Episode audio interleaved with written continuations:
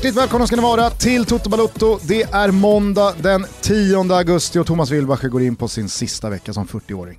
Just det. Va? Jag trodde du skulle säga går in i sin andra vecka, träningsvecka. Eftersom jag liksom kommit igång lite med träningen. Men det stämmer, 41 blir jag. Mm.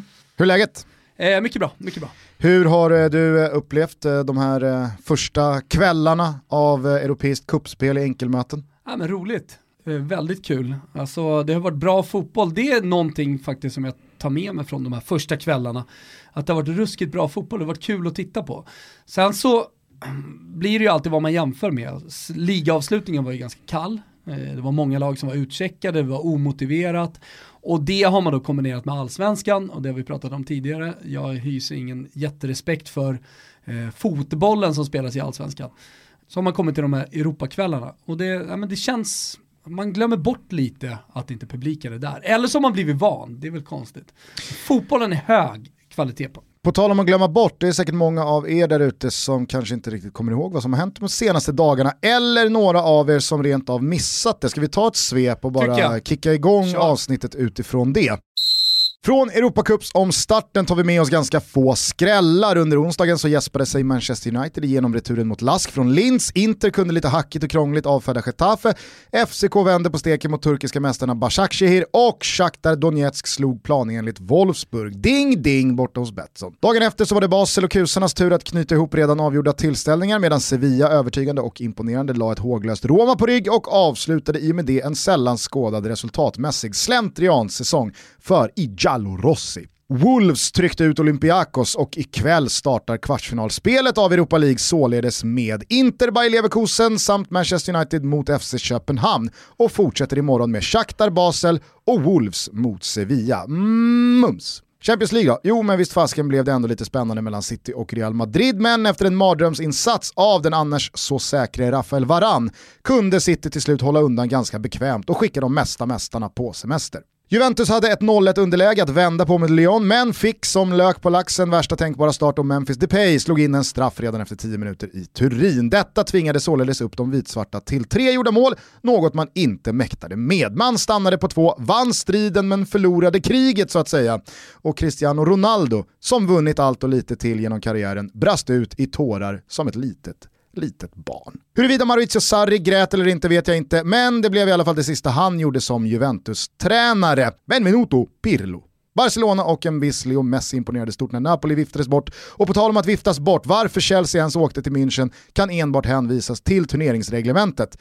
De var helt enkelt tvungna att ställa upp. Det brukar ju heta att motivation slår klass, men när både klassen och motivationen finns i samma ringhörna, ja då slutar det så här. Bayern mot Barca i fredagens kvartsfinal. Oj oj oj, så spännande den ska bli att följa. Mm. Hemifrån Allsvenskan och Svedala, fina stekheta Svedala, så tar vi med oss att Kalmar efter sju svåra år, eller i alla fall omgångar, tog tre ruskigt efterlängtade poäng. Och det är högst oväntat borta mot ett BK Häcken som nog hade tänkt att de lite bekvämt skulle smyga med i toppen.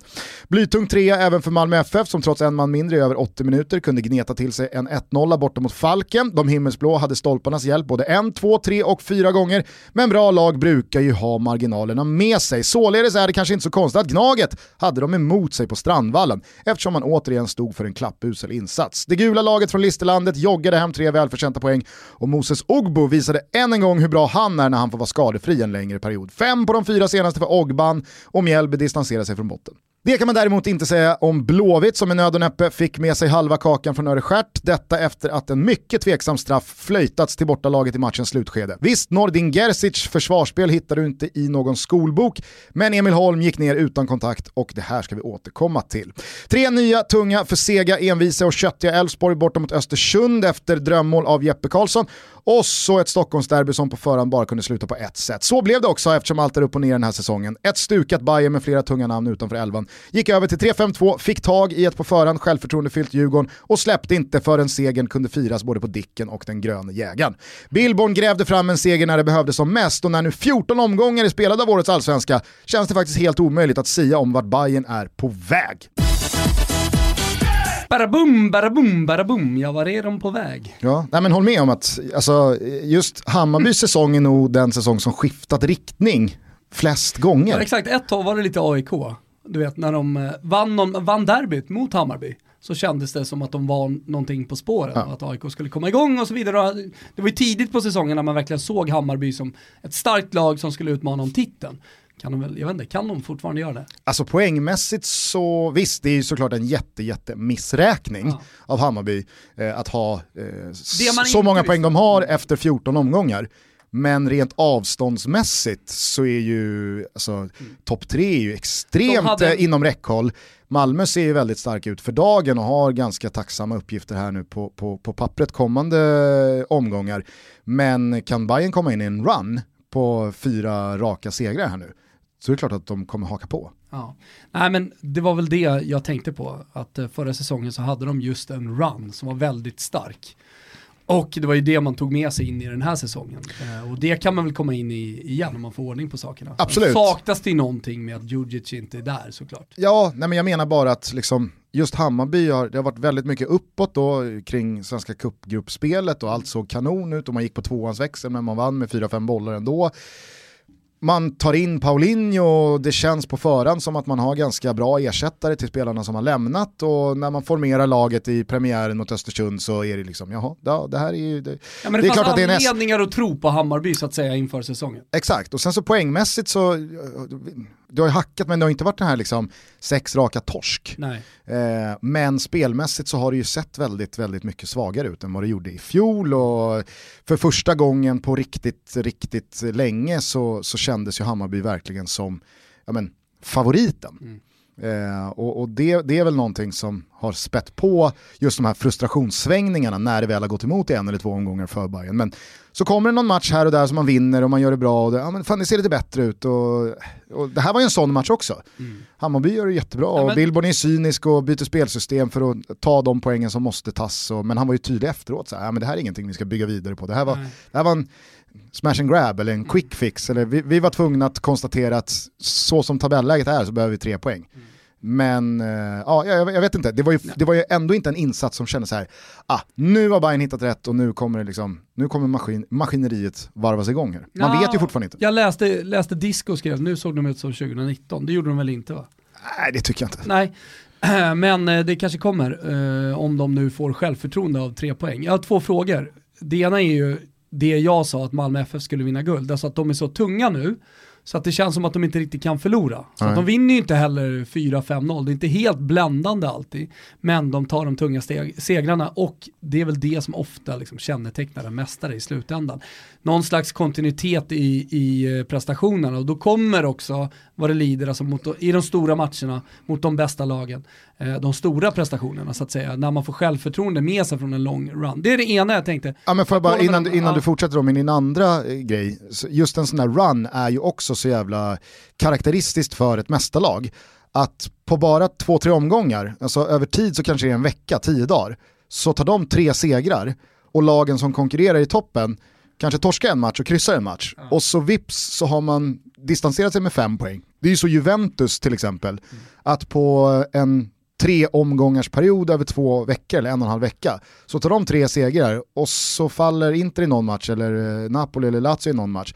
Och så hux flux så har Juventus sex poäng ner mm. istället och skaffat sig en kudde att kunna liksom, ja men vi kan ramla någon gång. Det, det gör inte, och det är där Malmö är just nu. De radar upp de här segrarna som gör att ett kryss eller en torsk för toppenkonkurrenterna då går det ju fort. Mm. Sen var det ju väldigt många som eh, sa att Ola Toivonen skulle behöva tid på sig innan han levererade. Eh, Isak Kiese vad, vad ska han göra? Så här, inte hans slut. Eh, nu, det har ju visat sig vara två riktiga klassspelare i den här ganska begränsade fotbollsligan. Och så Jo Inge Berget får man fan lyfta Nej. fram. Alltså, vilken, eh, vilken formtopp han har prickat in här. Ja. Kanske den spelaren som symboliserar det liksom igångvarvade Malmö FF bäst. Mm. Ja men säkerligen. Nej men den an andra eh, frågan var då Elfsborg. Mm. Alltså eftersom vi pratar då om, eller vi har pratat väldigt mycket IFK Norrköping. Eh, vi har pratat Malmö FF, alltså Djurgården är ju där och smyger också. Men, men så här, vi, vi har även hamnat på Häcken. Jag vet inte vad det är med Häcken men det det är ett lag som alltid är i toppen, det är väl det som är med Häcken. Eh, som gör att man pratar om dem. Eh, men i men, men är väl IF Elfsborg, Borås stolthet, vad fan, vad håller de på med? Häckens, de ligger fyra poäng bakom Malmö. Häckens USP är väl ändå att varje gång man tänker Nu har ju faktiskt Häcken chansen att smyga med, Ja. då torskar de. Då torskar de. Ja. Ja. Det, och det var ju samma sak igår. Det Alltså. I det här läget, Mm. när då Norrköping har börjat tappa poäng, när eh, det, det, det är lag som ska möta varandra uppe, Sirius har börjat eh, också tappa sina poäng, men då har man Kalmar hemma, då har man jumbon hemma. Då kan man inte, to- alltså, man kan inte torska Är med Danne 2-0. klar? För jag hörde att han tränar med Häcken. Ja, nej. nej, han är inte klar. Nej okej. Vad är det ekonomiskt man är inte riktigt överens? Jag tror inte ens att det förs några diskussioner. Nej. Och eh, att han tränar med Häcken är väl, som han själv uttryckte det, en sanning med modifikation. Han tränar bredvid Häcken. Okej. Han håller igång liksom på samma anläggning men inte på samma Han plan. tränar på den anläggningen precis hur jävla mycket han vill. Ja. Det är så det ligger till. Ungefär så. Ja, okej. Men eh, vi får väl se eh, vart, eh, vart han landar. Mm. Eh, onekligen eh, så är det ju ett par allsvenska lag i behov av offensiv kraft. Mm. Så jag skulle bli förvånad om eh, man i alla fall inte har sonderat terrängen och kollat på inte bara Danne utan även då Danne Larsson-typerna som finns tillgängliga. Ja, Men Elfsborg, vad, alltså, vad, Nej, men var din det- fråga nej, Vad de men håller på med? min- Ja, om du förstår vad jag menar när jag säger vad är det de håller på med. De ligger fyra poäng efter Malmö FF. Mm, Eh, ja, vann över AIK, jag vet inte hur stor triumf det är. exakt. Det det är, som, Det jag, som jag sa i svepet, alltså, Det är en Mj- klar trea liksom. Mjällby, Mjällby var ute och joggade 90, tog tre enkla. Och jag vet inte hur, hur eh, mycket man ska värdera en seger borta mot Östersund, men, men de vinner med 1-0 och de har en man utvisad. Ja, men Simon Strand eh, tar röda, det är ju bara 13 minuter efter så de får spela 27 minuter och så då Östersund som jagar. Eh, tar ändå den här poängen, på tal om att vara tunga och starka. Det, det är en karaktärsseger tycker jag. Mm. Och på något sätt så är väl ändå AIK också en karaktärsseger. Alltså inte för att AIK är bra, men det, det är ändå det är liksom AIK borta, det är tungt och man ska ta de här tre poängen. De gör det, jag är imponerad av Elfsborg. Men är det inte det vi har varit inne på när vi lite skojigt har lyft Sivert, vår kapten, vår härförare, Mm. vår eh, fotbollsmässiga polstjärna, att guidas eh, utifrån. Alltså att hans spelsätt präglar lite mer Elfsborgs spelsätt senaste året. Att det är mer rejält, det är mer cyniskt, det kolla, är inte... kolla Per Frick mot AIK. men Hans aktion mot Nabbe där till exempel, men det, men det är på något sätt om det om det är Sivert. Helt sjukt att Nabbe får gult kort Ja. ensam i den situationen faktiskt. Ja men det är bra att du säger det, att inte jag säger det, men Ja. det är ju faktiskt helt sjukt. Ja. Han sk- skakar ju av sig honom, fan slutar sparka på mig tre gånger, Ja, river var- och sliter i mig. Fan släpp mig liksom. Alltså, varnar, ska- varnar man Nabil Bahoui i den situationen, då måste man också varna Per Frick. Ja, ja, ja. ja. Sen är jag ju, jag är ju superteam, eh, liksom både Nabbe och Per Frick. Mm. Så att eh, känslorna, det, är- det är inte så att känslorna stormar eh, för att domaren eh, gör fel i det läget, det är ett gult kort, det är väl inte hela världen. Men eh, det är överlag väldigt mycket material till det här eh, Twitterkontot som tar upp eh, svenska domares misstag. Mm, domarnivån va? Domarnivån heter det. Ja, fått mycket... Alltså, nej alltså, mycket en, en omgång Ja. så kan eh, Twitterkontot domarnivån liksom bara välja och vraka. ja, det är faktiskt Det, otroligt. det är usel nivå på domarna i Allsvenskan just nu. Ja. Eh, det var ju även igår då, då alltså en, en boll inne bakom stolpen. Och då, behö, alltså, då behöver man ingen målkamera för att säga, var den inne eller inte? För det, det, det, eh, AIK. Exakt, det brukar ju många eh, tendera att eh, vara lite snett på när man ska då föra i bevis att en boll var över linjen eller inte. Att man använder en, en bild från en vinkel när bollen är i luften där det är så här, visst, det kanske skenbart ser ut som att den är inne men man kan inte säkerställa det och någon börjar Det var prata väl om en jävla... Hammarby som eh, var väldigt... liksom, Ja, och sen så nu för några omgångar sen var det väl Blåvitt tror jag som hade någon Just boll. just det. Eh, och det, det pratades om att ja, man ser skuggan in, Ja. i, innanför linjen. Ja, hur står solen då? Ja, Det är exakt. liksom det, det är ju hyfsat väsentligt. viktig parameter. Ja. Mm. Men eh, som igår då när man ser Mjällbymålvakten hålla i bollen mot stolpen rakt bakifrån, då kan man ju med säkerhet säga att hela bollen är bakom linjen. Ja. Men det såg inte domarna, eh, vi ska återkomma till det här med straffarna alldeles strax, eh, för eh, det var ju som sagt eh, ytterst tveksam eh, straff som tilldelades IFK Göteborg. Jag lägger ingen större värdering i det, utan vi ska istället prata om någonting annat gällande det. Men jag måste bara, eh, så på tal om Elfsborg, när När du när säger det på tal om Elfsborg, kan vi inte bara skicka en gulasch till domarkåren? jag har Steffe en... Pepsi får fan, jo men då får du ta en till, då får det bli två gulasch i Ja. avsnittet. Okej. Fet jävla slevgulasch över domarkåren i Sverige. Vi kanske ska... Skärp er för fan! Vi kanske ska lite bjuda in, eh, värdighet. bjuda in Steffe Pepsi. Ja det tycker jag. Kör lite domarsnack. Fan, det, har, det har varit mycket fokus på domare Ja. nu med Strömbergsson och alltihopa. Så att, eh, det, det kan vara läge att eh, Steffe Pepsi får snacka ut. Ja. Eh, jag ville bara lyfta Josef Okumo i alla fall eh, i Elfsborg. Eh, unga mittbacken Mm. som... Slaktade mot AIK för övrigt också. Alltså, vilken, ja, han lägger inga fingrar emellan. Hey, I'm Ryan Reynolds. At Mint Mobile, we like to do the opposite of what Big Wireless does. They charge you a lot, we charge you a little. So naturally, when they announced they'd be raising their prices due to inflation, we decided to deflate our prices due to not hating you. That's right. We're cutting the price of Mint Unlimited from $30 a month to just $15 a month. Give it a try at mintmobile.com slash switch. $45 upfront for three months plus taxes and fees. Promo rate for new customers for limited time. Unlimited more than 40 gigabytes per month. Slows. Full terms at mintmobile.com. nej, det gör han verkligen inte. Samtidigt som jag tycker att han är en ganska... Alltså, det, det är en vårdad spelare och, och otrolig i luften. Det, det jag det måste var sägas. roligt att han, alltså det, det får man fan ta, jag såg att det var många som blev irriterade också, men han la ut en bild eh, efter matchen mot AIK som han hade vunnit då, eh, när han kom in med båda bena sträckta, sulorna uppe. Ja. Så här vinner vi, eller något liknande. Alltså, det finns något humoristiskt i det också, jag kan tycka att det, är liksom, det var skönt gjort. Ja, Ja, kan vara en skön snubbe med ja, lite ja, självdistans. Precis, samtidigt som att om nu AIK gnäller på en sån bild, att, så att säga, vad, vad, är, vad är det? Och vad, nej, nej jag, jag säger bara, alltså, jag lyssnade på Testa Störs eh, avsnitt eh, i morse när jag var på väg till Kungstensgatan här. Och då eh, mindes, jag kommer inte ihåg om det var Hoffman eller Svanen, men då liksom glorifierades det då att 2010 när AIK var i samma utsatta position, ja, då sprang i alla fall Bojan Djordjic rätt in i någon spelare med saxen öppen och bara slaktade honom, tog ett gult kort, skällde ut spelaren han precis hade, hade liksom kapat och sen så skällde han ut hela laget också. Att det är så här, ja ibland är det ju det som behövs. Och jag menar när Elfsborg kommer då till Friends, de vet att här ligger AIK ner, de blöder. Alltså, ska vi sparka på någon som ligger eller ska vi vara lite sympatiska och be om ursäkt eh, för att vi är Elfsborg från eh, lilla Borås som, som aldrig vinner borta mot AIK?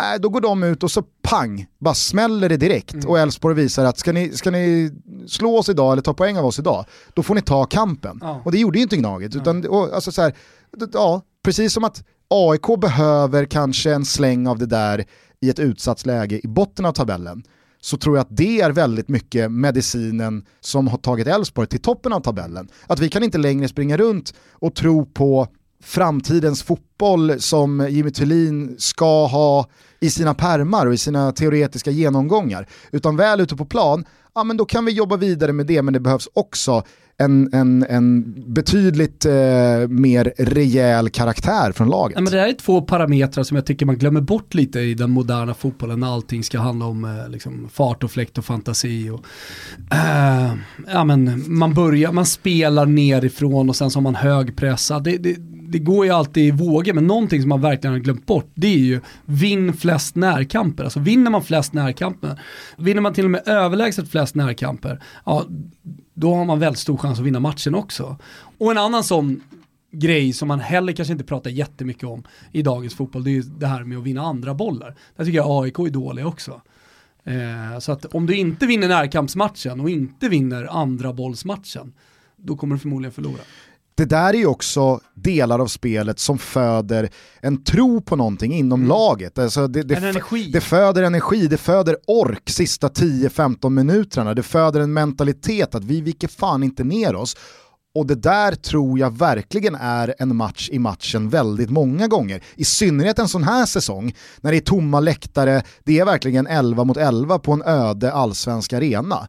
Det finns ingen energi att hämta från eh, Norra Stå eller Slakthuskurvan eller eh, vad det nu är för vägg man har bakom sig. Och en hemmapublik som antingen är med en eller eh, emot motståndaren och så vidare. Utan det är, det är där ute på plan som eh, det avgörs och då tror jag det är laget som ja, men, agerar mest synkat och mest av en karaktär att vi kommer inte lägga oss ner tror jag har jävligt mycket att vinna. Alltså. Jag tror kanske ännu mer i allsvenskan än om man jämför med toppligorna. Ja men kolla bara på Hammarby som vi började det här segmentet med. Alltså i ett Hammarby som flög fram i fjol och det var eh, kombinationsspel eh, och trianglar och det var Bojanic eh, smörkniv genom lagdelar och det var fart och fläkt och teknik på yttrarna. Vem, vem tycker alla unisont är Bayerns bästa spelare i år? Ja, det är Gustav Ludvigsson. Mm det är inte mycket... Gladiatorn. Det, ja men det är inte mycket liksom samba och yoga Nej. bonito där. Det är borra ner huvudet, kör, kötta, mm. buffla, ge inte upp, spela enkelt, ta smällarna, ta närkamperna. Mm. Alltså, du vet, det, det kommer ju en bit på. Ja. Det kommer en jävla bit på. Det är det allsvenskan är liksom. Det är så man ska bygga lag i den här serien. Ja. Eh, innan vi släpper allsvenskan bara och eh, går vidare, jag vill prata om eh, det som hände då i straffsituationen mellan Örebro och IFK Göteborg. Har du sett eh, straffsituationen? Ja. Misstänker att du inte rattade in Bern Arena och kollade Örebro Blåvitt eh, från vissla till vissla så att säga. Jag var på, jag var på Kärrtorp och spelade fotboll. Ja, eh, spelade du fotboll alltså? Nej, mina tjejer spelade. Tänkte väl. Det är då IFK Göteborgs Emil Holm som kommer farande längs högerkanten, bryter in i straffområdet och Nordin Gerzic Alltså, vad är det för försvarsspel? Det kan man ju diskutera. Han har, ju, Definitivt. han har varit med länge, mm. Nordin Gerzic. Eh, han då glider i en ganska rejäl satsning, eh, men Emil Holm viker inåt då, så att Gerzic missar bollen helt och hållet. Missar även Emil Holm, men Emil Holm ser ju möjligheten att här finns det ju en, en, en så pass tydlig tackling i en så pass hög fart att om jag lägger mig ner här så kommer det se ut som att Nordin Gerzic kapar mig. På något sätt eh, vidrörde mig. Ja, exakt.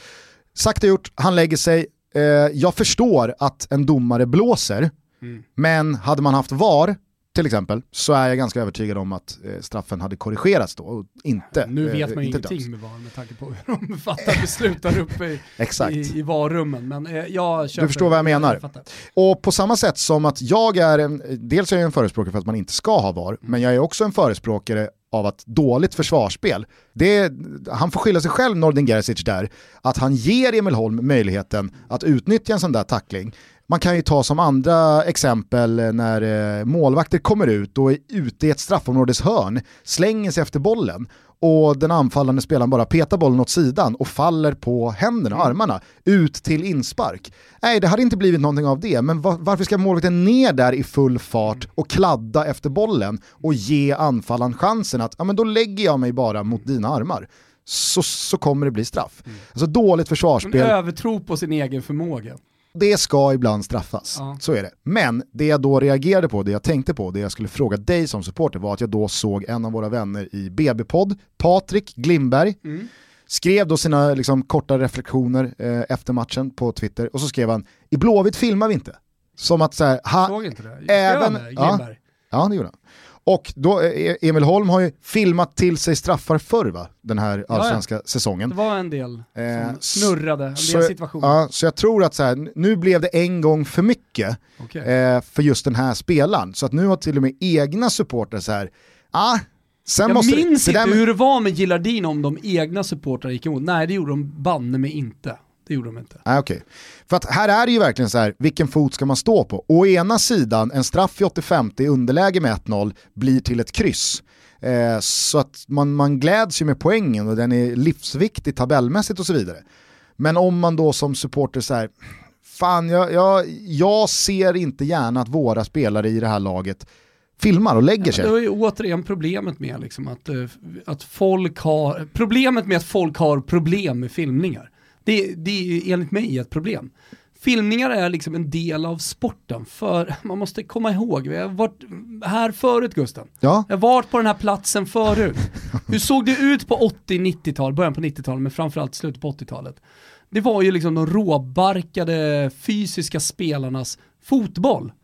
Det var liksom den brittiska fotbollen på bruna gräsplaner, eh, Terry Butcher som blödde över hela jävla kroppen det var fotbollen liksom, så som lirades där då. Vi, är det vi vill ha? Nej. Men för att då skydda sig så började anfallsspelarna, med Maradona i spetsen såklart också, att, eh, att förstärka situationer. Men kolla, alltså, kolla på en gammal match med Maradona, det räcker med att kolla på dokumentären om honom. Hur jävla hårt han tas och hur lite han får med sig mm. från, från det. Första och enda gången tror jag liksom, man pratar om Emil Holm och Diego Maradona i samma andetag. Nu gjorde vi det två gånger. Första och sista. eh, men eh, det, som supporter så kan väl jag känna liksom att, att, att en spelare filmar, det är, det är inte en identitet av en klubb. Alltså Fast jag fick intrycket inte... av att Glimberg menar på det, att IFK ja. Göteborg filmar vi inte. Och så är det med den saken, så att hör ni alla spelare. Vad är IFK Göteborg? Är det fler saker de inte ska göra? Ta frisparkar, sparka ner dem bakifrån, komma med sulor, liksom. ta gula kort som också är ett regelöverbrott, ganska kraftigt regelöverbrott. Om du kollar i eh, domarboken, eller man, från domarnas perspektiv, så är en filmning eh, lika illa som en riktigt ful kapning, det vill säga gula kort båda två. Ska man sluta med det också då? När Albin Ekdal tar ett gult kort mot Schweiz, är det, eh, ska vi inte hålla på med det? Ska vi låta han göra mål då istället? Eller vi då liksom eh, kommer fria... Eller Glimberg! Ja, Glimberg. Fan höjden nu! Vi kastar alltså...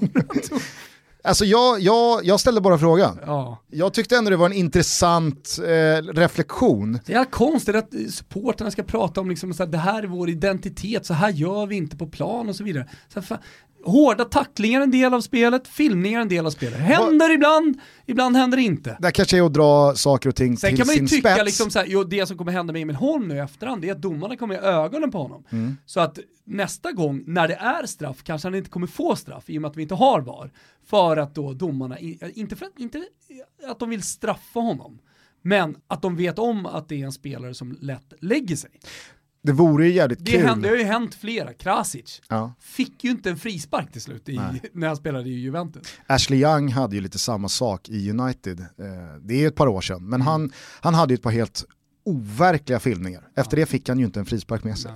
Eh, jag skulle bara säga det att det hade varit jävligt kul om de beryktade kvartssamtalen som lags kategori C-supporter och firmer kan ha med spelare eller tränare eller vad det nu kan vara, mm. om eh, liksom, Wiseman knackar på. och ser Vi ska tala film. och, och så är det liksom, en sak ska du ha jävligt klart för dig. Emil Holm. IFK Göteborg. Där filmar vi inte. Minsta lilla jävla överdrift från din sida till. Då ryker bilen och vi, vi, vi har koll på din jävla... Du är kär och fräd, fjädrar. På eh, paddan, rätt ut från Göteborg. Emil Holm sitter där under kanalerna. Ja. Hälsa syrran. Nu står du upp! Nästa gång du får en smäll. Hör du det? Ja, Glimbar får gå ner och ta det kvartssamtalet själv då. det hade varit så jävla kul. Ja. Eh, jo, eh, jag skulle bara ta det till sin spets då eftersom du gjorde det med då motargumenten. Ska man sluta dra i tröjor och sparka ner någon? Eh, eftersom det också renderar ett gult kort. Eh, nu är ju dina tjejer bara 11 år, mm. men låt säga att det börjar bli viktigt på riktigt. Att när man kanske till och med börjar rä räkna mål och så vidare. Det var det igår. Man kan vinna en match. Det, så var det igår. Eh, vad, vad, alltså, vad säger du i denna utbildningsfas till unga spelare om filmningar och furbon? Nej, men för det första, alltså man pratar om eh, dra i tröjor, gula kort och så, så hade vi en situation faktiskt i matchen igår, första gången som jag ser på tjejfotboll med min egen dotter. Där en spelare är på väg att komma fri, alltså hon, hon går förbi henne. Där hon tar tag i, mer eller mindre ett livtag och liksom drar i tröjan så hon inte kommer förbi. Så alla stannar upp, det är ju liksom frispark och deras föräldrar skriker och självklart också deras ledare. Eh, men domaren blåser inte. Det är ju sådär i, i eh, liksom flick, flickfotbollen, det, det ramlar ner någon 14-åring som dömer. Och det är väl bra, för annars hade vi inte kunnat spela matchen. Men de, de, är, de är sällan väldigt bra på att döma. Eh, så, så, allting stannades upp. Sådär. Eh, men hon gjorde, Stella gjorde ju det för att jag har sagt till henne att ingen kommer förbi det. Om någon kommer förbi det, då är det bättre att du tar en frispark. Och det, det är ju utbildningssyftet tycker jag. Ja, men filmningar och förstärkningar Eller det är liksom att sätta en, någon slags mentalitet i dem. Fan, snart ska de börja pubertera, de har redan börjat pubertera. Och uh, snart ska, man, ska vi åka till Finland och, och spela om pokaler. Då, då, då, då, är det på riktigt. Och, och det dröjer inte lång tid innan fotboll handlar om resultat. Det är fotboll faktiskt är. Så filmningar, filmningar och förstärkningar. Alltså, så här, lyckas någon filma till sig en straff, då är det jag som applåderar om man säger så. Men eh, vi är inte, alltså i ren, i ren förmåga så är vi inte där än. Så okay. de, får lära sig lite fotbollsrörelse först. Men, men jag lovar dig att är jag kvar och tränar det här laget om några år, då kommer jag definitivt säga till dem att ramla. Isak sa ju det. Han var ju vansinnig på sina tjejer i Hammarby. Mm. För att de inte ramlade i straffområden, de hade fått straffar. Att, eh, det, det, tror jag nog är bra, bra att lära barnen att förstärka lite och dra lite i tröjor ibland också. Svensk fotboll i all ära, det var ju högoktanig Europacup-fotboll hela andra halvan av förra veckan. Vad tar du med dig från eh, matcherna och planerna och resultaten? Ja, men så, några imponerande prestationer, du var inne på det i svepet, om man bara tar den här kvällen med Bayern München och eh, Barcelona. Så har ju det är svår match för Chelsea att åka till mm. och liksom göra någonting. Jag tycker att de är bra första halvleken också. Det är inte så att de åker dit och liksom ställer ut skorna. De är okej. Okay. Men, men eh, Bayern München, vi har sagt det förut, de är så mycket bättre än Chelsea. Så det finns liksom inte en möjlighet för dem att göra någonting. Nej. Så det blir en väldigt speciell karaktär. Eh, och sen då matchen mellan Barcelona och Napoli. Jag, tror, jag tycker att vi hamnar lite på samma, att Barcelona är så pass mycket bättre, det är olika nivåer. Så att, eh, ja, på tal om tjejfotbollen, liksom, man nivåindelar matcherna. Så, så är det här då extra svår mot, eh, mot svår kanske. Ja, då, så, då, vinner det extra svår eh, liksom 99 gånger av 100. Så, så var ju känslan också att Messi... Ja, han bestämt sig. Ja, exakt. Ronaldo ute. Nu, nu, nu, är det nu, nu, nu är det vi som inte ska snubbla här. Absolut. Sen har de ju värsta tänkbara lottningen. I och med att de först då får uh, Bayern München och uh, i semifinalen så kan man ju ändå tänka sig att de får City va? Det, är Lyon eller City. Ja, men uh, när det är fair and square från början, alltså i matchen mellan City och Lyon, så får man väl ändå utgå från Where's that dust coming from? Still finding debris after vacuuming? Eufy X10 Pro Omni Robot Vacuum has 8,000 PA of powerful suction to remove debris deep in carpets. And it's totally hands free. Want to know more? Go to eufy.com. That's EUFY.com and discover X10 Pro Omni, the best in class all in one robot vacuum for only $799. Att eh, City ska lösa det där ett par gånger fler på tio försök eh, än Lyon, Definitivt. tvärtom. Och då har jag med mig att Lyon slog City i fjol, jag vet, jag vet. Mm. Det behöver ingen påminna. Ja, och Lyon är jättebra, det har vi sett mot, eh, mot Juventus, men City på återigen en annan nivå.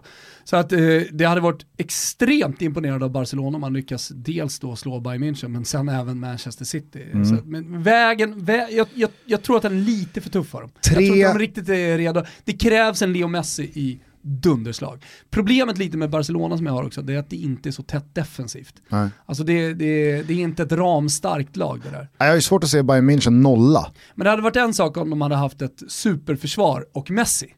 Men det, det är inte riktigt Barcelona. Ändå, 3,50 på Barcelona mot eh, Bayern München på Betsson. Ja, det är klart att det lockar. Det är länge sedan man hade Barca... 3,50 Barcelona. Visst. Så Bayern München ser så fruktansvärt jävla bra ut. Men, eh, ja, det är, väl ett, eh, det är väl ett ganska tydligt kvitto på just det. När man får de Bayern München som favoriter mot City. Jag vet att båda är favoriter till att vinna. Alltså, så här, alltså båda ligger på ungefär samma favoritskap. Ja, vi kan väl säga som så att inför kvartsfinalerna här nu så är vinnarspelen borta hos Betsson alltså. Manchester City favorit till 3,25. Bayern München eh, tätt bakom fyra gånger pengarna. Sen är det ett hack ner till 6,50 PSG. Barca 8 gånger, Atletico Madrid 9, Atalanta 13, Leipzig 21 och Lyon då får ju gälla som mega dunder dark horse, eh, 41 gånger pengarna. Oj. Ja. ja. Och det är också på grund av vägen de har fram. Och det är ju såklart också det sämsta oddset här. Alltså, mm. jag, jag, spelar ju hellre City till 3,25 mm. än Lyon till 41. Såklart. Alltså, jag hade velat ha 100 gånger pengarna för att ens titta åt Lyon. Mm. Så lite tror jag ens att de har en sportmössa i det här slutspelet. Men eh, jag tycker ändå att det är eh, anmärkningsvärt högt på Barca. Eh, för att besitta Messi, mm. för att också besitta en väg dit mm. som gör att, jag, jag, jag, tror att går Barca till final så vinner de ju finalen. Det är ju kvarten semin som är de stora hindren mm. eh, för Barcelona. Men eh, ja, jag vet inte vilken, vilken sida jag, jag väljer. Det ska bli jävligt spännande ja, i alla fall att se de här matcherna. Det är det som är grejen med det här också i och med att det är bara enkelmöte. Och över 90 minuter, jag skrev i min krönika efter Bayern München-matchen eh, också, att det, alltså, det blir som ett mästerskap. Vi ser skrällar hela tiden i mästerskapet. Med Kamerun som 90 går långt, eller ett Grekland som vinner hela skiten.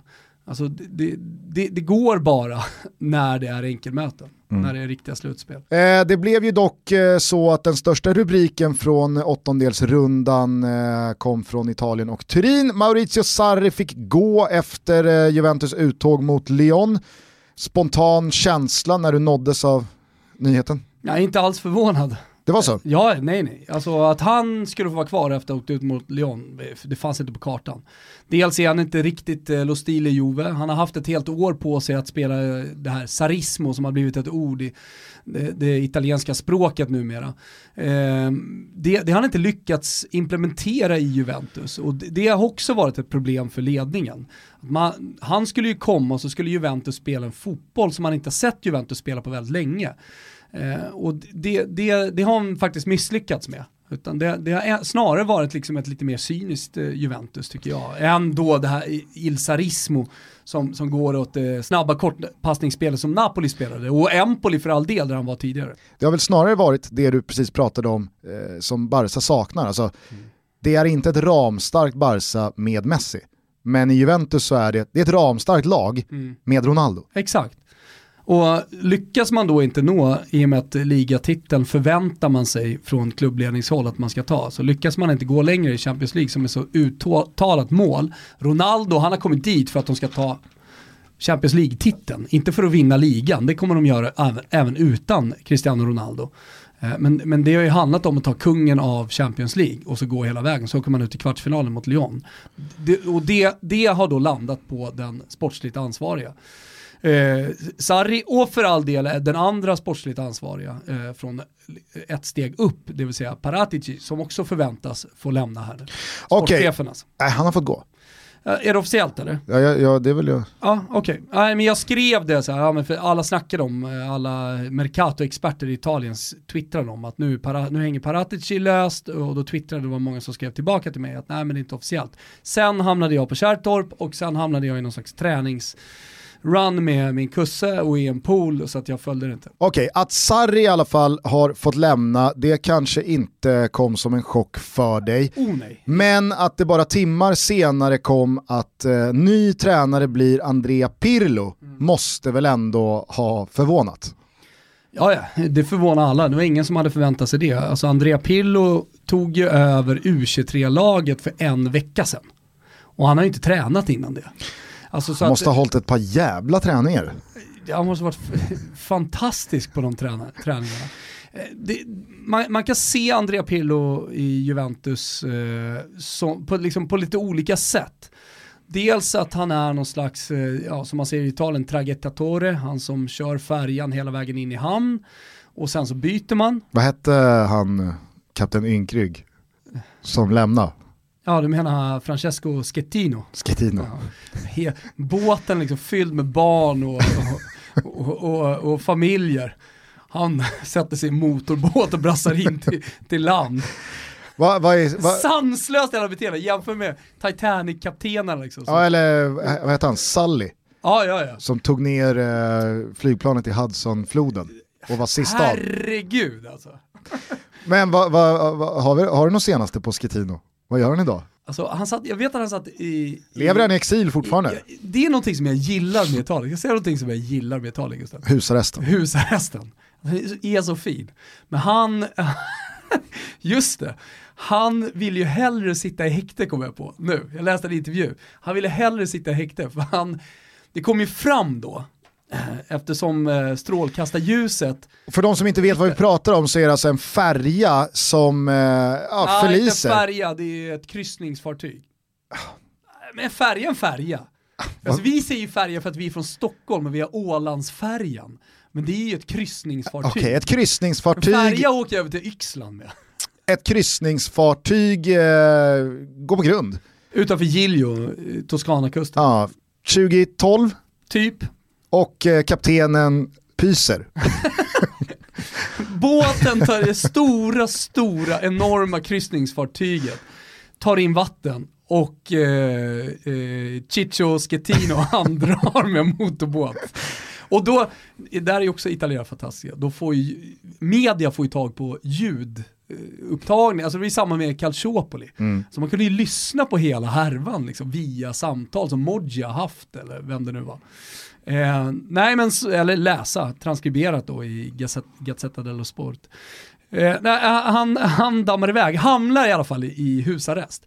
Under husarresten när alla strålkastare liksom är på honom och hans liv, då framkommer det ju att han har haft massa utomäktenskapliga relationer och han är i husarrest med frun. Så han bönar ju och ber i tv-kameran om att få lämna husarresten, hamna i häkte. Så han slipper, såklart så är frugan vansinnig på honom. Liksom. Han får ju ett helvete där inne, vilket han liksom verkligen, verkligen förtjänar. Ja. Eh, nej, så han blev ju Italiens mest hatade man eh, och är väl det fortfarande. Tuff konkurrens eh, finns ju där nere, men eh, ja, det, förmodligen. Topp fem är han fortfarande. Topp 5 2020 skulle jag säga att Schettino ändå ligger. Ja, men Pirlo är då motsatsen till Schettino. Ja. Han, ta, han tar båt, båten i hamn. Båtjäveln välte ju vet du, ja. och låg där. Exakt. Ja men det var, det var, ju, alltså, det var ju obehagliga ja, ja, nu skrattar liksom. vi liksom åt Kapten Inkrydd rygg, men, men eh, ja. Det, det, var obehagligt. Pirlo i alla fall eh, motsatsen här. Eh, du var på väg någonstans med, med, med det. I ditt Nej, resonemang kring valet av Pirlo. Se, man måste se det på kanske lite olika sätt. Att han dels då är, är inte en interimtränare, men ändå att man har kanske en plan B och en plan C. om det inte funkar med Pirlo. Vad det nu skulle vara, dit har inte riktigt eh, kommit i tanken än. Det var ju många som spekulerade om eh, Pochettino till exempel direkt när, när det var klart. Det var, ja, förra var, veckan så pratade du om Conte. Ja, och, nej men det, det, är ju starka signaler också på att Conte trivs i Inter och att eh, liksom, snack har varit snack, att det har varit markeringar från ledningen i Inter mot Konto att han kanske då rättar in sig lite i leden. Han lär ju också nu se möjligheten att vinna Lo Scudetto. I och med att Ronaldo är osäker också. Mm. Eh, han eh, tror jag inte är så supersugen på Juventus nästa år. Alltså bara så här, nu, sen kan det ändras. Han kan komma till träningsanläggningen, träffa Pirlo och allting blir fantastiskt. Även fast Ronaldo kanske inte har eh, alltså en fysik som, som talar för det, så är ju ändå eh, Ronaldo 35 plus under nästa säsong. Mm. Han har ju inte jättemånga säsonger kvar att stapla titlar på hög med. Mm. Således så tror jag nog ändå han tänker, okej okay, vänta, har jag råd med ett projekt mm. som kanske ska bära frukt om två säsonger eller tre säsonger? Eller ska jag gå till det laget som har chansen nu? Det pratas ju PSG här nu att Jorge Mendes ska träffa Leonardo i Lissabon när eh, Champions League-lagen samlas där. Ja, jag, jag vet inte. Eh, att, att flytta på Cristiano Ronaldo är ju såklart en det är ju en jätteaffär som man inte bara gör, men jag kan tänka mig att valet av Pirlo, eller så måste det väl vara, valet av Pirlo signalerar att nu startar vi ett lite mer långsiktigt projekt mm. snarare än att vi tjackar ihop ett dreamteam eh, för att ta en buckla Absolut. omgående. Ja, att man tänker lite åt eh, att man har inspirerats ska jag säga av eh, Chelsea till exempel där Lampard har tagit över. Att Juventus kanske inte tycker att det finns så jävla många eh, så här, superalternativ som bara kan gå vinna eh, eller gå till final i Champions League. Det, det, det kan nog vara ett långsiktigt tänkt, men sen så måste, alltså är du i Juventus så måste du göra resultat, annars ryker du. Sen så kanske han har lite mer tålamod. Uh, Juventus ledning, om de ser något, går till en semifinal i Champions League och kommer två, trea i ligan, så kanske det finns då tålamod uh, vidare. Men skulle man göra dåliga resultat i Champions League och uh, missa ligatiteln, då tror, jag, då tror jag inte att det finns så jävla mycket långsiktigt tänk i, i Pirlo, utan då, då tar man om det och det där, alltså vi pratar om Italien. Pirlo får ju visa att han håller. Mm. Håller han inte så håller han inte. Det är, det är inte så att de, sportsliga ledningen inte kommer se det. De har full koll på det där. Matri, assisterande. Bästa polare. Det är ju ändå kanske ännu mer uppseendeväckande. Ja, ja. Nej men eh, Matri har man ju inte riktigt sett som en, alltså det, det ska sägas här, jag sa, jag sa i förbifarten nu bara, hans bästa polare, familjerna är bästa polare. Mm. Så han har ju alltså bokstavligen tagit in sin bästa polare. Matri har ju utseendet emot sig, eh, för man tänker att han kan ju inte någonting. Eller hur? Exakt. Han är så snygg. Alltså det blir lite såhär bimbo... Lite Schenkenberg. ja, visst. visst. Jag sa det bara. Ja. ja. Ja. Nej men, eh, när han var med, vad han, alltså, vad han gjort då? När, när Fångarna på fortet var Fångarna på fortet på riktigt på 90-talet, eller mm. när det kom där i slutet ja. på 90-talet. När, när man då hade liksom karaktärer med i lagen, någon smidig, någon stark. Starka var ju väldigt så här, um, Magnus Samuelsson. Magnus Samuelsson, när de skulle dra upp de här kanonkulorna från sjön liksom, och sätta benen emot. Ja, eller, liksom kanske, eller kanske det mest klassiska, svärdet ja, på repet. Ja men exakt, svärdet på repet. Och då vart ju Marcus Schenkenberg, för han ser ju stark ut. Men på den tiden, på 90-talet, så hade de ju koksalt och silikon i, i musklerna. Jag vet inte om Marcus Schenkenberg hade det, jag tror det. Men när han i alla fall gick in där så, han kunde inte rucka på det där svärdet en enda millimeter. Han klev även upp till Fader Fora och, och, och bränner. och, och brände. Jag tror, äh, nu, nu saltar jag så det bara sjunger om det, men det kan väl kanske ha varit Schenkenberg som åkte på då frågan, jag har två mynt som tillsammans är sex kronor. Det ena är inte en femkrona. Hur går det ihop? Mm. Då rök han. då rök han. Och så säger Fadde det är det andra. Ah. Ja, ja. ja, ja. så pilar ner för den där trappan. Ja. Men, nej, men så Alessandro Matri, vi får väl se. Alltså vi vet, det, det är det som är grejen, det går inte att analysera situationen. Det enda, det enda man faktiskt kan säga det är att det är en risk som ja, Juventus tar. Det jag skulle Om man öppnar möjligheter för andra. Det jag frågade var Lazio, bara... förlåt, Dav, värva David Silva. Alltså, de har Immobile i laget, han gjorde 36 baljor i år. Det, det är ett Lazio som, fortsätter, som kommer fortsätta satsa, de kommer vara med i toppen nästa säsong. Jag säger inte att Milan är där, men jag säger att Milan fan blir farliga nästa år. Jag, jag såg även att uh, Chris Wood från Burnley ryktas till Lazio nu. Ja, men, alltså, det är så typiska Lazio-värvningar. Jag älskar det, jag älskar Lazio. 14 mål i Premier League den här säsongen. Ja. ska man inte underskatta. Nej, jo, min fråga var bara om, om Pirlos erfarenhet då är fem dagar på U23-posten, vad har då Matri gjort? Har han gjort någonting? Inte vad jag, han slutade ju spela nu. Ja, ja exakt, alltså, det, det, är inte länge ja, sedan. Han inte hunnit, när ska han hinna med? Han har inte hunnit med något. Ja, är... Pirlo vill ju bara pola där ihop. Ja, jag tycker Köra. att det är, det är fan i mig otroligt att en så stor klubb, att en sån bjässe går på ett sånt chansspår som Pirlo och Matri ändå är. Ja, eller så vet de någonting som du och jag inte vet, vad det nu skulle vara. Men nej, men det måste ju vara en chansning även för dem, herregud. Skifte på ledarposition även i Roma här, blev klart i dagarna. Friedkin. Nu, nu, ska väl, eh, nu ska väl eh, papprena avslutas här under den här veckan, men eh, Palotta har ju tackat för sig efter nio halvdana år får man mm. säga. Eh, lämnat över då till Dan Friedkin och The Friedkin Group mm. som eh, vars tyngsta, vad säger man, spelare i portföljen är Toyota. Mm. Men har sysslat med mycket nöjesindustri och filmproduktion och så vidare. Och vad jag förstår så är det sonen, Ryan Friedkin, ja, som blir Friedkin president. Som är pappa, så Ryan blir, och sen så har han med sig eh, sin högra hand, eh, Mark Watts, mm. som blir någon slags CEO. Då. Han gillar man. Mark Watts. Conciliere. Conciliere Mark Watts. Eh, och så kommer Brian Walker också in, som är någon slags strate strategisk general i Friedkin eh, Group. Så att eh, det är ju businessgubbar här av hög rang som ska in i, i i Roma.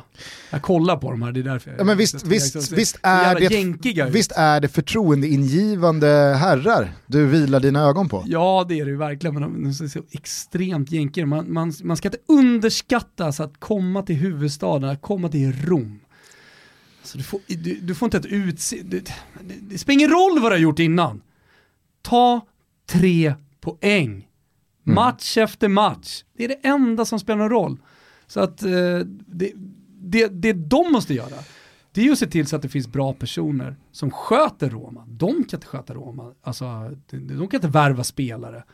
Utan eh, det är liksom, ja men visst, sätt en organisation och sätt en eh, marknadsplan eller liksom så här, vi, vi, ska stärka varumärket i USA och så vidare. De är säkert hur jävla bra som helst.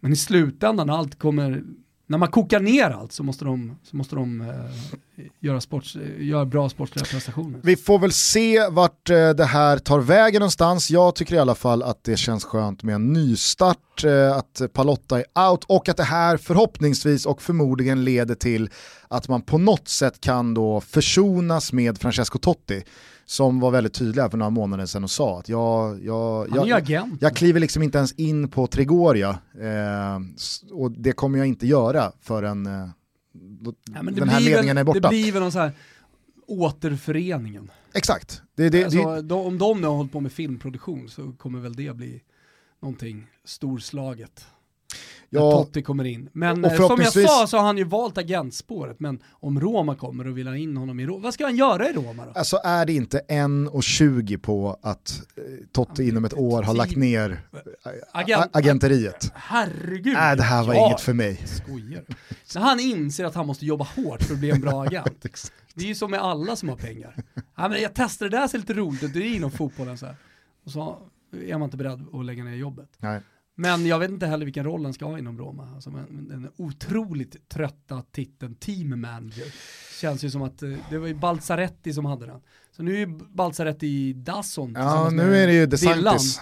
Nu är det, nu är det DeSantis, som står där och meddelar fjärdedomaren vilka byten som ska en göras. En sak om Juventus när Pirlo kommer in med Matri som jag tänkte på, eh, det var ju att Dejan Kulusevski ska in i det där laget. Mm. Häftigt i sig och han gör en fantastisk jävla säsong och jag tror att han passar perfekt in i Juventus där ute till höger. Han har ju i en Instagram-intervju med Cannavaro eh, under coronan så höll de på Bobo Vieri och ligan du vet. De ah, håller på. Liksom. Del Vecchio. Del Vecchio och, och gänget. Men framförallt Bobo Vieri och, och, och eh, Materazzi. Och, och självklart också då, eh, eh, vad sa jag? Cannavaro. Ja, Fa Fabio Cannavaro. Liksom, om du skulle bli tränare, för då var han ju inte tränare. Det här är ju bara ett par månader sedan. Om du skulle vara tränare, vad föredrar du att spela? Då börjar Pirlo med att säga att det beror på vad han har för spelarmaterial. Nej men sluta säger Cannavaro. Alla, har, all, alla har sätt att spela på, så ja. säg bara. Han bara okej okay då, 4-3-3. Så det är 4-3-3 då han mm. spelar. Där passar Kulusevski in bra. Eh, och Bernadeschi är fruktansvärt dålig alltså. Det är, det är något med hans löpsteg. Men eh, då tänker du eh, Kulusevski ute till höger i då en, en tre, tremanna. Ja. Ja. ja. men jag tänker att det går ju att vrida på ett mittfält och ha liksom eh, en Metsala-roll också. Definitivt. Han skulle kunna gå ner och spela där, men då får de göra om honom lite. Han är ju en hårt arbetande spelare, men jag tycker han är som bäst när han hamnar nära mål. Han får vara liksom en poängspelare. Vilka tre man mittfält Pirlo ändå var en del av.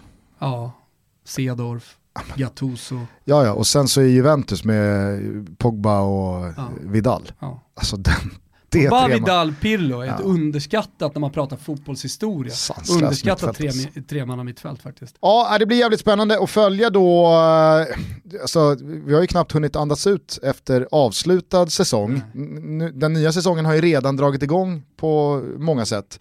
Så att det blir kul och spännande att se vad Pirlo sätter för prägel på detta Juventus, vad som händer med Ronaldo, om det görs några nyförvärv och så vidare. Vad tror du händer med Sarri? Ja, det, jag vet inte om Fiorentina agerade lite för hastigt när de förnyade med Beppe Jacchini.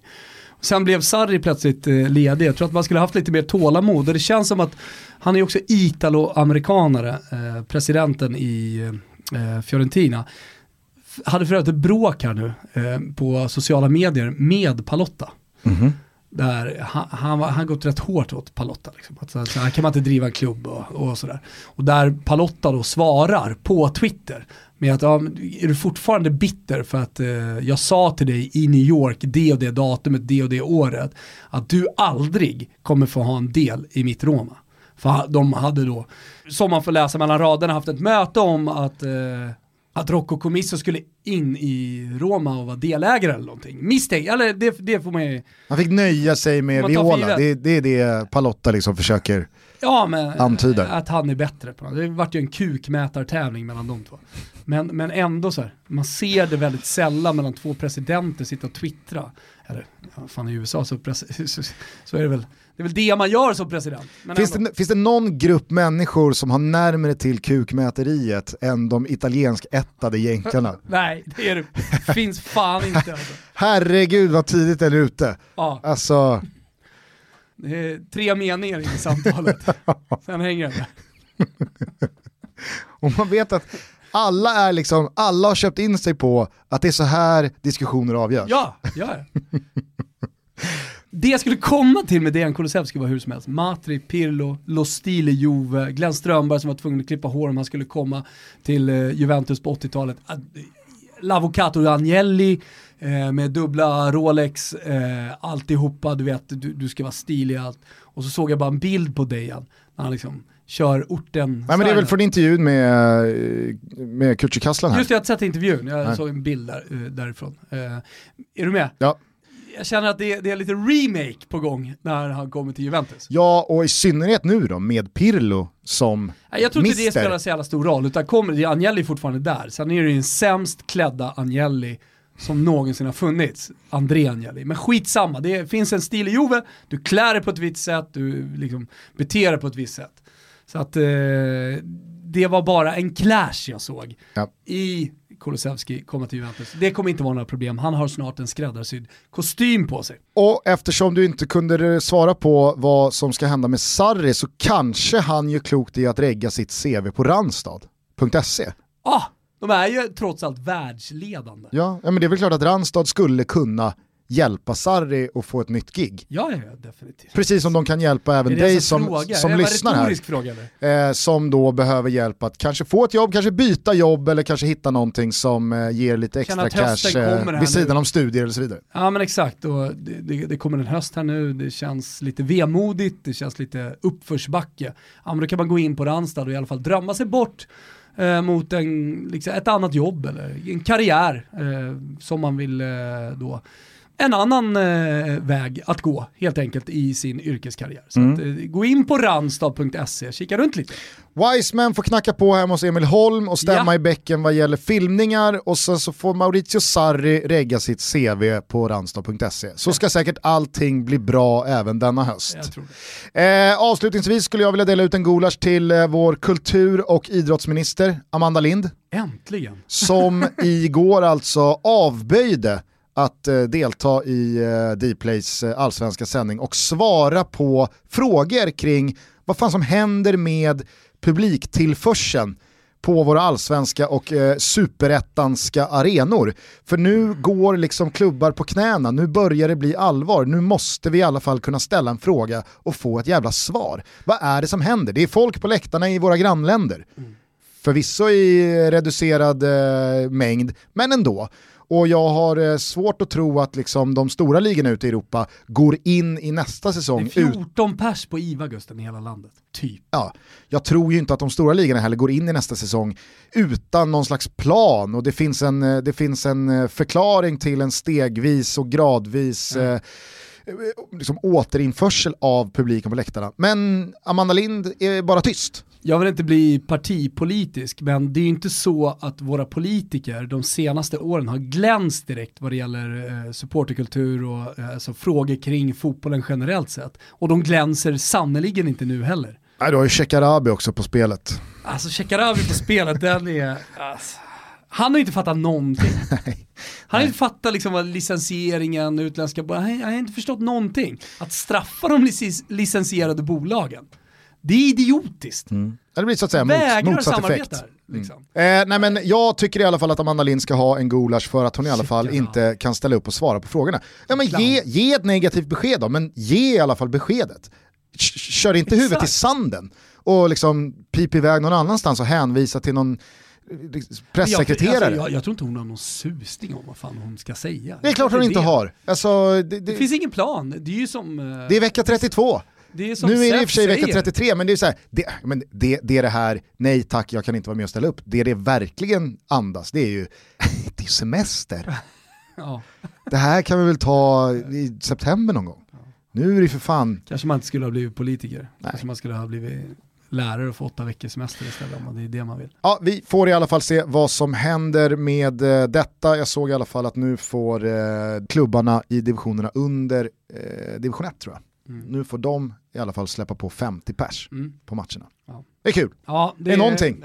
Inte om det är steg i rätt riktning, men det, det är väl någonting som du säger. Mm. Vi kanske i och med det ska avsluta för dagen. Eh, jag ska åka ut till landstället, ratta in eh, morden i Sandhamn mm. på Simor.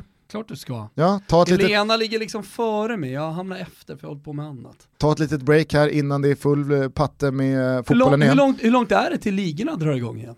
Kan du inte bara påminna våra lyssnare om det? Premier League 12 september. Ja, Serie A 18 september. Ja, lite senare. Ja, Ser man på Simor. Ja. Eh, La Liga kommer väl igång i, i samma veva i och med det. Eh, och jag menar fram till dess så är det ju PGA-tour och det är NBA och, så det är ju bara skaffa ett simor abonnemang Kika på Alexandra Rappaport och gänget ute i Sandhamn, jävlar vad det smäller där. Eh, och så ladda upp inför... Det är någon ny norrbagge med och grejer också såg jag. Alltid en norrbagge. För att växa. Hur ska vi, hur ska vi liksom sexa till den här serien på något sätt? Vi tar in en snygg norrbagge. Ja. Spelade ett svin i förra serien jag såg honom. Nej då. Nej då. Eh, hör du, med det sagt då så säger vi på återhörande igen på fredag, då tillsammans med en eh, god och kär vän. Mm.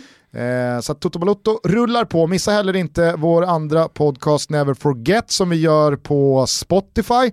Den här eh, måndagen så minns vi bland annat Paolo Rossis eh, fantastiska karriär och eh, det väldigt, väldigt bortglömda Totonero i och med då att allting slutade med ett VM-guld för Rossi och Italien.